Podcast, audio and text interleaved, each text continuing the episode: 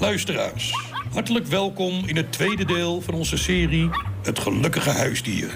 Er wonen in ons land meer huisdieren dan mensen. Ja, er zijn er eh, iets van 30 miljoen. En een groot deel daarvan, zo blijkt uit wetenschappelijk onderzoek, is ongelukkig. Diep ongelukkig misschien wel. Allee, Johnny, schiet op. In de beurs van Eindhoven is het een drukte van belang. Schiet op, man. Geroezemoes, geblaf en hier en daar klatert een welgemeend applaus. Mijn naam is eh, Piet van der Meulengraaf. Ik ben secretaris van onze internationale hondententoonstelling in Eindhoven. En Martin Gaus, eh, dat is mijn stem. En waarschijnlijk kennen mensen die. Ik ben Inge Koenis. Ik ben bij de opleiding diermanagement betrokken als docent diergedrag. Van huis ben ik medisch bioloog. Het zijn chihuahuas, ja. We hebben de chihuahuas vandaag hier, dat zijn de kleinste.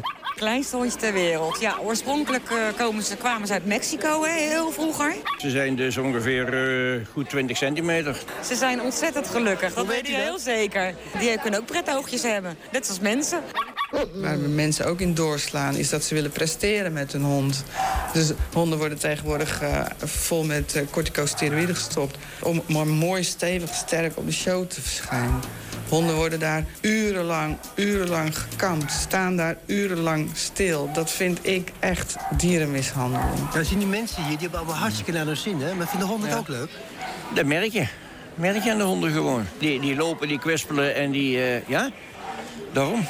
Wij fokken verder met mutanten die in de natuur misschien zouden uitsterven. Kijk, als daar nu een Engelse bulldog binnenkomt... je ziet dus nu, dat is nog een beetje breed figuur met een enorme platte kop. Hij heeft bijna geen neus, kan dus niet goed ademhalen. Is een zogenaamd fokproduct wat mensen mooi vinden, een platgeslagen smoel. Daardoor heeft hij last van zijn hart. Hij kan alleen maar met de keizersnede op de wereld komen. En dan krijg je, ondanks dat hij mooi is van lelijkheid... zie je daar toch de verwording van de fokkerij. Maar dat doet niets in de zaak af als je het ziet lopen. En het is een teef, dat is zo helemaal grappig. En je kijkt naar zijn achterwerk, dan is het nog sensueel ook. Jasper, kom eens.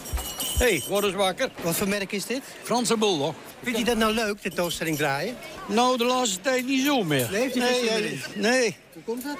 Uh, hij is het moe, denk ik, dat het te veel is geweest. Als Jasper het niet meer zo leuk vindt en u vindt het hartstikke leuk... hoe moet het dan de volgende keer? Dan hebben we de volgende keer weer een andere hond. Hoeveel heeft u er? Ik heb er momenteel zes. en de bevallingen lopen ook goed? Nou, dat is meestal keizersnee. Dat klinkt er een beetje treurig dan. Ja, nou, onze koningin, hè, die heeft vier kinderen gehad. En alle vier keizersnee. Ja, koninginnensnee, ja. Denkt u niet dat het een beetje vreemd is dat daar je... Daar leiden ze niks mee. Dat wordt wel verdoofd Binnen een uur sta je buiten, ik in en uit. En dan loopt die, lopen, lopen ze lopen mee naar buiten. Met de keizersnee en al lopen ze Ja, lopen gewoon zo mee buiten. Ja. Als die hond dicht genaaid is, dan maken ze weer bij, zullen we zeggen. En dan zetten we tafel af en hij loopt mee aan de riem mee naar buiten. Pek Pekinees als die hard niezen, dan voelt het oogje eruit. Ze kunnen slecht. Ja, die oogkasten zijn niet goed. En ze moeten, weet je wat het probleem een beetje is? Met dat soort voorbeelden, bedenk ik me nu. Dat, dat is zelfs zover dat uh, dieren, jonge dieren, op baby's echt gaan lijken. Hè? Met stompe neus en bolle oogjes. Dat, dat zijn bijna echt baby's. Dat werkt vertederend en dat willen we, zien. Je bent eigenlijk een soort vader voor die hondjes. Ja, zou je kunnen zeggen. Ja. ja. En dit is een soort moeder. Ja. Andere kinderen zijn de deur uit en dan hebben ja, toch weer andere kinderen weer binnen gehaald. 85% van de huisdieren ongelukkig. Ja, ik, ik snap niet. Ik, weet, ik zou niet weten waar het vandaan komt. Ik zou echt niet weten wie daar onderzoek naar gedaan heeft. Hè? Maar uh, voor de honden, dat is uh, nee.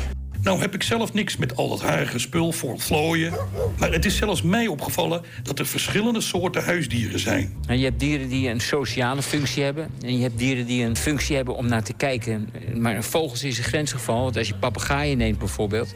Nou, die worden 60, 70 jaar oud en die zijn zeer sociaal. En dus overigens de meest gedupeerde diersoort die we in Nederland hebben. Want grote aantallen papegaaien zitten in een soort isolatiecel... waar ze nooit van hun levensdagen meer uitkomen. En is een hoge mate van dierenkwelling die zijn weerga niet, niet, niet kan vinden. Ik ben uh, David van Gennep, ik ben directeur van Stichting AAP. Ik ben van origine bioloog. En uh, werk nu al uh, nou, zo'n kleine 30 jaar met uitheemse dieren vooral. Ik ben Marianne Thieme van de Partij voor de Dieren. Ja, het feit dat 85% ongelukkig is, dat is schrikbarend hoog. Ik ben niet verrast als ik zo'n getal hoor. Nee. Ik, ik, ik, denk dus dat het merendeel van de mensen een huisdier aanschaft vanuit zijn eigen persoonlijke behoeftes. En niet zozeer rekening houdt met de behoeftes van dat dier. En er dus eigenlijk ook heel weinig weet van heeft. En tegelijkertijd, als ze er weet van zouden hebben, eigenlijk geen zin hebben om er iets van dat leed op te lossen. Omdat dat leed gaat ten koste van wat wij eigenlijk van dat dier willen. Namelijk dat hij op schoot kruipt uit pure eenzaamheid. Paarden, konijnen, uh, honden. En die worden vaak eenzaam en alleen gehouden. Niet te vergeten ook de papegaaien. Die van 90% van de half miljoen die wij hier in Nederland hebben... alleen in een kooitje zitten.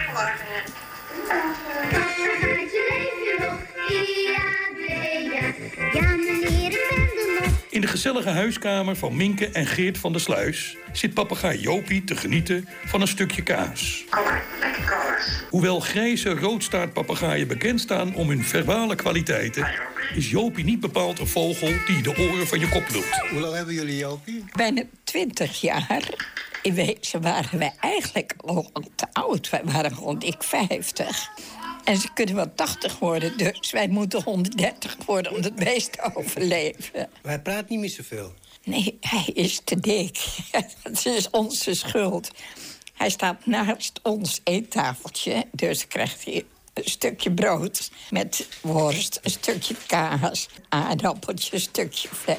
Hij is gewoon te dik. Hij vliegt ook niet meer zoveel. En dat is een geluk, want hij vloog op het aanrecht op de kasten. En dat doet hij gelukkig niet meer. Maar dat hij niet meer zoveel praat, vinden we jammer. Gaat hij nou aan de lijn? Of? Hij blijft zeuren. Jopie, lekker. Lekker, Jopie. En daar is Geert helemaal niet tegen bestand. Dus die heeft altijd stukjes vlees naast zijn bord liggen. Die zijn alvast voor Jopie. Maar hij vraagt er gewoon om. En dat zijn wij zulke horken. Dan geven we hem dat. En dat is stom, natuurlijk. Maar kijk, wij hopen dat, dat hij dus voordat wij doodgaan hij doodgaat aan een hartaanval. Want ons vinden we zo zielig.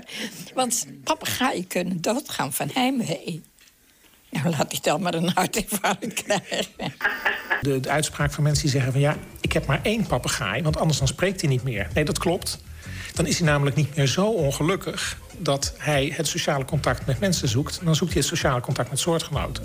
Kortom, zou je nou werkelijk doen datgene waar dat dier behoefte aan heeft... ja, dan is die huisdier af. En dan is hij dus zijn economische waarde verloren. Dat geldt denk ik ook voor al die konijnen die achter het huis zitten. We hebben er laatst onderzoek naar laten doen. En het gaat om... Kijk, dieren zijn niet geregistreerd. dus de steekproef bewijst uit dat het varieert van 600.000 tot 1,3 miljoen konijnen die vaak solitair worden gehuisvest... terwijl het sociale dieren zijn. En dan heel vaak in een klein hokje zitten. Eerst is het leuk en dan wordt hij nog uit het hokje gehaald. En ouders vinden dat kinderen op die manier verantwoordelijkheid leren. En die zeggen dan ook, ja, jij moet ervoor zorgen. Maar ja, hoe vaak gaat dat verkeerd? Ik ben Joost de Jong. Ik ben voorzitter van Dibevo. Dibevo betekent dieren, benodigdheden, voeders. Die Bevo is de brancheorganisatie voor ondernemingen in de huisdierensector. Dat betekent dat bij ons lid zijn alle fabrikanten, de groothandelaren... maar ook de dierenspeciaalzaken, tuincentra met een dierenafdeling... en dierverzorgende bedrijven. Dierenonwelzijn wordt zelden veroorzaakt door onwil bij de houder. Haast altijd door onkunde. En dat is wat anders. Daarom pleiten wij ervoor dat dierenspeciaalzaken gecertificeerd zijn... Dus dat daar aanwezig is aantoonbare vakkennis. Dat is één. En twee, er is een landelijk informatiecentrum gezelschapsdieren. www.licg.nl. En dat is een voorlichtingspunt ook weer voor de gezelschapsdierenhouder. Het is dan ook een beetje de, discussie die nu in de samenleving speelt. Hè, van, uh, kun je al die mensen niet gewoon voorlichten? Dan zal dierenleed wel overgaan. Nou, mijn uh, inschatting is dat dat niet lukt. Want ik denk dat, dat er grote groepen mensen zijn... die eigenlijk helemaal niet willen horen... omdat het zich verzet tegen hun eigen belang, hun persoonlijk belang. En dat persoonlijk belang is vaak een heel emotioneel belang. Ik wil kunnen knuffelen. En kan mij het schelen wat dat verder met dat dier doet. De tijd vliegt weer een sneller dan het geluid, beste luisteraars. Onze minuten zitten er weer op. Geef uw huisdier deze week wat extra liefde en aandacht. Dan treffen we elkaar volgende week bij uw radiotoestel... voor deel 3 van onze serie Het Gelukkige Huisdier. I'll be back.